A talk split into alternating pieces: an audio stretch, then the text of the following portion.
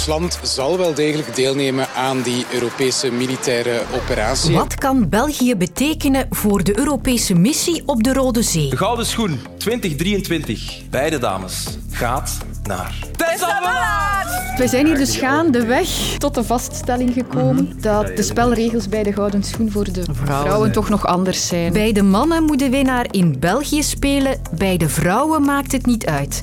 Wanneer staat ons vrouwenvoetbal ver genoeg? De historische wachtzaal in het station van Brugge blijft definitief gesloten. De teleurgang van de stations. En waarom? Spijtig, hè. Dat is zo weer Iets wat weggaat. een hè? element dat afbrokkelt. En het station van Weleer is niet meer. Daar worden wij toch wat nostalgisch van. De trein van het kwartier is weer vertrokken. Welkom, ik ben Sophie van der Donk. De Rode Zee ligt tussen het Afrikaanse continent en het Arabische schiereiland. En het is een cruciale route voor vrachtschepen die van Azië naar Europa varen en omgekeerd. Maar dat heb je misschien gehoord, er zijn kapers op de kust. Houthis uit Jemen vallen schepen aan uit wraak voor de oorlog in Gaza. En Europa wil die vrachtschepen nu beschermen en zet een missie op touw. Goedemiddag. De regering heeft eh, deze voormiddag de, de, de situatie in het, eh, in het Midden-Oosten eh, opnieuw besproken. Vandaag maakte de federale regering bekend dat België gaat meedoen aan die Europese militaire missie. Op korte termijn zal het daar gaan over één of meer liaison officers. Op iets minder korte termijn zal dat gaan bijvoorbeeld over de inzet van, van fregatten. Bijvoorbeeld de Marie- Marie- Marie-Louise zou daarvoor kunnen... Louise Marie, pardon. ehm, zou daarvoor kunnen, eh, kunnen ingezet worden. België is op dit moment ook EU-voorzitter en heeft in ruil beloofd om de druk op te voeren om tot een staakt het vuren te komen in het Israëlisch-Palestijnse conflict. Onze defensie-expert Jens Fransen heeft mij uitgelegd wat ons leger te bieden heeft. De volledige marinecomponent is natuurlijk een van de kleinste componenten binnen eh, het leger natuurlijk. Hè. Ja, omdat het natuurlijk geografisch zit het allemaal aan de kust. We hebben drie types van schepen op dit ogenblik. We hebben patrouillevaartuigen, die zijn een stukje vernieuwd. En we hebben dan nog die twee oude fregatten. En dan hebben we nog een wetenschappelijk schip en een ondersteuningsschip. Maar eigenlijk is dat niet zo heel veel. Als je dan kijkt naar wat wij kunnen leveren daar in het Midden-Oosten, ja, patrouilleschepen kan je daar niet inzetten. Dan spreek over dat ene oude fregat. En in het beste geval natuurlijk ook nog over een aantal goed opgeleide officieren. En dat fregat kennen we misschien beter als de Louise Marie. En die is genoemd naar Louise Marie van Orléans. En dat was de eerste koningin der Belgen. Om eens formeel kennis te maken met haar. Wel, de Louise Marie is een oud schip. Het is 35 jaar oud. We hebben het tweedehands van Nederlands eh, gekocht. En eigenlijk is dat ook niet bijzonder geschikt voor dit soort missies in het Midden-Oosten. Want dat is eigenlijk een schip wat jaagt op onderzeeërs. Maar bon, het heeft ook een aantal afweerraketten eh, die het dan zou kunnen inzetten. Maar ook niet heel erg veel.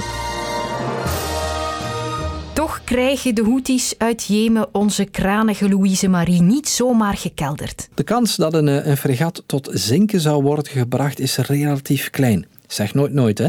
Want een fregat en de meeste marineschepen die hebben een gelaagde bescherming. Aan de ene kant hebben die fregatten, heeft dat fregat, de Louise Marie, een anti-raketsysteem, waarbij het zelf raketten zal gaan afvuren naar inkomende raketten. En zo zou het een bubbel kunnen opzetten waarmee ook andere koopvaardijschepen daaronder kunnen gaan varen. Aan de andere kant, mocht er toch zo'n raket doorkomen, dan is er nog zoiets als, en dat heet de goalkeeper, de doelman. En dan heb je echt een soort, ja, een automatisch machinegeweer dat wanneer zo'n vijandelijke raket echt het schip tot op enkele meters nadert, die raket gewoon zal proberen kapot te schieten. De missie waar we de Louise Marie naartoe sturen is dus een Europese operatie. Wat doen de andere landen? Op dit ogenblik, eh, we weten zeker dat Frankrijk zou meedoen, heeft natuurlijk een zeer grote marine. De Britten, maar die maken niet deel uit van de Europese Unie. Die zitten daar al met een maritieme voetafdruk. De Nooren, die ook geen deel uitmaken van de Europese Unie, hebben daar ook een fregat. Ik heb me laten vertellen dat het tot zeven fregatten zou zijn die daar in die eh, buurt zouden gaan rondvaren. Dat is toch niet niets. Hoe schat Jens dan het Belgische aanbod in? Ook nu, als je kijkt eigenlijk naar wat ons land maar kan inzetten, en dan nog op een moment dat ons land voorzitter is in Europa, en dan nog eens met het feit dat wij op dit ogenblik daar ook in een, een admiraal leveren in het Midden-Oosten voor die Europese missies.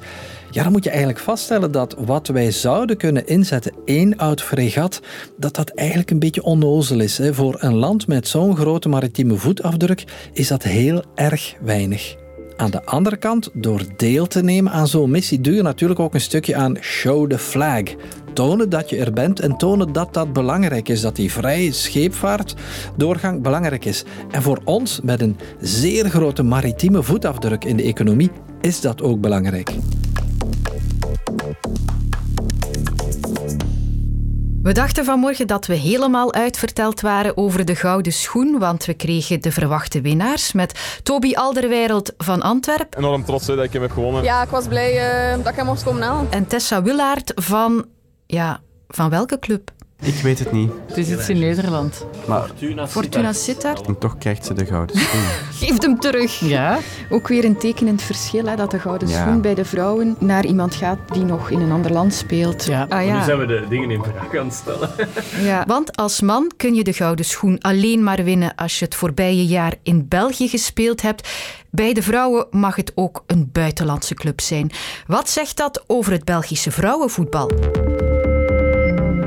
Dag Hermine, hoor jij mij? Hallo, dag Sophie, ik hoor jou goed. Hermine van Beveren van Sportza, hoe je draait of keert, ons vrouwenvoetbal blijft klein of kleiner dan het mannenvoetbal. Hè? Voilà, ja, dat is eigenlijk gewoon de hoofdreden. Hè. Ik denk dat er al veel gebeurd is om dat te proberen wat meer gelijk te trekken. Maar in uh, ja, dat proberen om alles gelijk te trekken, mag je natuurlijk ook die verschillen niet vergeten en niet, niet doen alsof het helemaal gelijk is. Dus ik denk in deze dat dat nog wel uh, een goede beslissing is om het zo te doen. Vrouwenvoetbal is de voorbije tien jaar enorm gegroeid in België, maar staat natuurlijk nog lang niet op hetzelfde niveau als bij de mannen. Het is ook de vraag, ja, moet dat helemaal gelijk uh, op datzelfde niveau komen en zo. Dat zien we wel, maar alle aandacht die ervoor is bijgekomen, dat is natuurlijk positief. Maar um, als het grote publiek, zeg maar, Belgische voetbalspeelsters kent, dan moeten we eerlijk zijn, dan gaan het vooral de Red Flames zijn. En dan nog, dat is natuurlijk ook niet zoals de Rode Duivels. Maar ik denk op zich dat ja, iedereen wel inziet waarom het uh, zo gebeurt. En dat iedereen ergens ook wel hoopt dat het uh, blijft evolueren. En dat er dan misschien, wie weet, ergens de komende jaren ook die opsplitsing gemaakt kan worden tussen de beste speelster hier en de beste Belgische in het buitenland. Maar dat er iemand kan winnen die hier in België speelt, dat is al bewezen hè? met de winnares van vorig jaar, Nicky Evraar. En de nummer twee dit jaar ja. was ook Marie de Truijer. Hè? Allebei uh, ja. van OHL of van OHL geweest. Dus de kans zit er ook wel gewoon in dat er iemand uh, wint die bij ons speelt. Hè? Ja, zeker. Um, en Marie de Truijen vind ik een heel goed voorbeeld. Um, ja, het zegt toch veel dat zij zo hoog geëindigd is. Bijvoorbeeld nog ja, voor Janice uh, Kaiman, die toch op zich bij het uh, grote publiek door haar hele lange ervaring ook al een stuk bekender is. Maar Marie de Truijer toont aan van kijk, met die goede prestaties, ook hier bij Leuven, maakt niet uit bij welke ploeg natuurlijk, um, ja, dan, dan kan het zeker. Hè. en Nike Evraar, je zegt het, speelde vorig seizoen bij Leuven. Wie weet, een beetje door die gouden schoen heeft ze dan ook haar transfer versierd naar uh, Chelsea. Maar uh, het is inderdaad een goed punt. Het toont aan dat het zeker geen nadeel hoeft te zijn als je het goed doet in België. Maar, dat moeten we er ook bij zeggen, Marie de Truijer, ook bij de Red Flames, min of meer helemaal doorgebroken het voorbije jaar. Dus ik denk dat de prestaties bij de Red Flames misschien nog het meeste doorwegen dan. Je zei net, het maakt niet uit bij welke Belgische ploeg, je kan daar ook uitblinken. Maar zijn er veel echt professionele clubs in het vrouwenvoetbal op het hoogste niveau vandaag de dag? Ja, ook daar is de evolutie nog volop aan de gang, ik zal het zo zeggen. Um, zijn er veel, laat ons zeggen, van de uh, clubs in de hoogste klasse, de Super League, is de kleine helft professioneel, dan moeten we er eigenlijk bij zeggen semi-professioneel. Um, maar ze werken daar naartoe. Bijvoorbeeld bij uh, Anderlecht, OAL, uh, zeg maar de clubs uit de top 4 nu, proberen ze bijvoorbeeld al niet meer s'avonds te trainen, maar gewoon overdag, in de mate van het mogelijke. Dus ja, er is een tweedeling. Er zijn x aantal clubs die het min of meer zijn of proberen helemaal te worden. En er zijn clubs waar dat ja, voorlopig geen optie is, maar die natuurlijk ook dan wel zo goed proberen te werken als het kan. Als dan wel niet professionele clubs met niet professionele speelsters. Ook al zijn er bij elke club, dat is een soort van verplichting, minstens drie die semi-professioneel zijn. En dat betekent dan dat ze er nog naast werken bijvoorbeeld? Werken of studeren natuurlijk ook heel veel. Hè. Er is nog heel veel marge. Dat is ergens een voordeel, denk ik, als je wil groeien. Het verschil is nog groot. Um, maar zoals gezegd, als je het vergelijkt met tien jaar geleden, dan is er ook wel al heel veel gebeurd.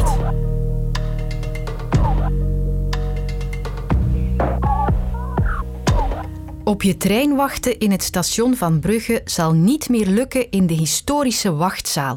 Het artikel daarover op onze website is heel veel aangeklikt en dus besloten wij om er ook iets mee te doen. Kort samengevat, de wachtzaal is al een tijdje dicht door een waterlek en ze zal ook nooit meer met die functie heropenen. De NMBS zoekt een nieuwe bestemming. Dat zou dan misschien een koffiezaak kunnen zijn of een winkel. Of wie weet komt ook McDonald's wel in aanmerking. En dat wringt bij veel mensen. Ook bij onze collega en oud-bruggeling Frederik Descamps. Wel, als je daar eh, binnenkomt, eigenlijk voelt dat een beetje aan alsof je terugkeert naar de tijd van Stalin in de jaren 30. Dus een beetje Sovjet-Russische stijl. Heel minimalistisch. Het is vrij groot, bruin tinten. En het leuke is, is dat je daar ook geprojecteerd op van die typische jaren 30, 40 interbellum uh, platen. Eigenlijk ziet je dan, dan zo ja, de, de Noordzee met Oostende en Nieuwpoort. En dat is een beetje zo een, een onderdompeling in de West-Vlaamse sfeer van de jaren 30 en 40. Onlangs was ik daar nog een keer en uit nostalgische overweging, dat moet je af en toe doen, dompelen in het brede bad van de Weemoed, wandelde ik daar door en de katten waren gesloten. Er was nog meer afgebladerd. Het was nog altijd heel mooi, maar ik dacht van, spijtig, spijtig dat hier niet meer mensen beseffen hoe mooi het hier ooit was en misschien opnieuw zou kunnen zijn. Zijn we de statige stations van Waleer aan het kwijtraken? Is de nostalgie van Frederik terecht? Ja, dat, die is echt op zijn plaats, dat is juist. Herman Welter vindt van wel. Hij is oud spoorwegjournalist en auteur van het grote Belgische stationsboek. In andere tijden was het wachten een onderdeel van een treinreis. Je moest zeker zijn dat je daar op tijd was. Je moest een ticket kopen. Dat kon je dus nog niet van op afstand. Naar gelang men meer betaalde voor een treinticket, had men ook een comfortabelere wachtzaal. De wachtzalen voor de mensen tweede en derde klas was een beetje Spartaanser, maar ook nog, toch nog aantrekkelijker. Maar die tijden zijn natuurlijk wel voorbij. Eerst en vooral zijn er meer treinen. Is het treinaanbod de jongste decennia veel uitgebreid en het breidt nu nog uit. Je kunt al thuis via je slimme telefoon of de computer weten wanneer je trein vertrekt, hoeveel vertraging dat die heeft, of de trein geschrapt is. En dat, dat maakt het wel anders. Hè. Maar vroeger waren stations, dat waren het tweede centrum van de steden eigenlijk. Hè. Je had het dan het stadshart, maar het, de stationsbuurt was bruisend. Hè. Daar, daar gebeurde van alles. Hè.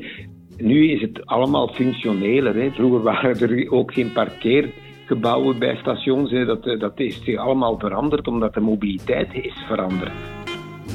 De functie van stations is dus veranderd en dat kunnen we wel jammer vinden, maar de NMBS moet keuzes maken, zegt Herman. Je moet ook begrijpen, beschermde stations kosten de NMBS veel geld. De renovaties, uh, herstellingen, moet dat allemaal zelf ophoesten. En als je zo'n ruimte, zo'n prachtige ruimte kunt verhuren, want het is niet verkopen, want het stationsgebouw blijft natuurlijk eigendom van de NMBS, dan kan dat natuurlijk geld opleveren. Maar dan moet dat natuurlijk wel op een manier gebeuren dat ook de, ja, de reiziger, de burger, daar nog plezier aan heeft, dat hij daar kan binnenlopen. En niet zoals dat in Gent gebeurd is, waar een heel fraai restaurant was, eh, een fraai interieur, waar je een kopje koffie kon drinken. Dat was pure onthaasting. Maar ja, dat bracht waarschijnlijk niet genoeg op. En dan, uh, toen de huur afliep, hebben ze daar natuurlijk naar een andere speler gezocht. En dat was dan een apotheek van keten ketens, eh, apotheekketens of Starbucks en zo, kunnen dat allemaal makkelijk betalen. Hè. Maar als je daar nu gaat kijken, ja, al die, dat interieur gaat verloren natuurlijk. En dat is doodjammer. Want een station, eh, zeker een beschermd station als Gent-Sint-Pieters, heeft toch een meerwaarde. Ik kan niet 1, 2, 3 zeggen dat moet het worden, maar het moet toegankelijk blijven. En daar moet de NMBS dan ook naar kijken als ze eh, die hele mooie zaal, uh, wachtzaal, kolokettenzaal in Brugge uh, gaat verhuren. Nog een fijne dag en alvast een leuk en onthaastend weekend gewenst. En daar heb ik nu eens niks meer aan toe te voegen. Tot volgende week. In Onder ons Politiek praten Ivan de Vadder en een collega van de politieke redactie van VRT Nieuws je bij. Ook over de verhalen achter de schermen. Net zoals ze dat doen aan de koffieautomaat op de redactie. Elke woensdag in de app van VRT Nieuws.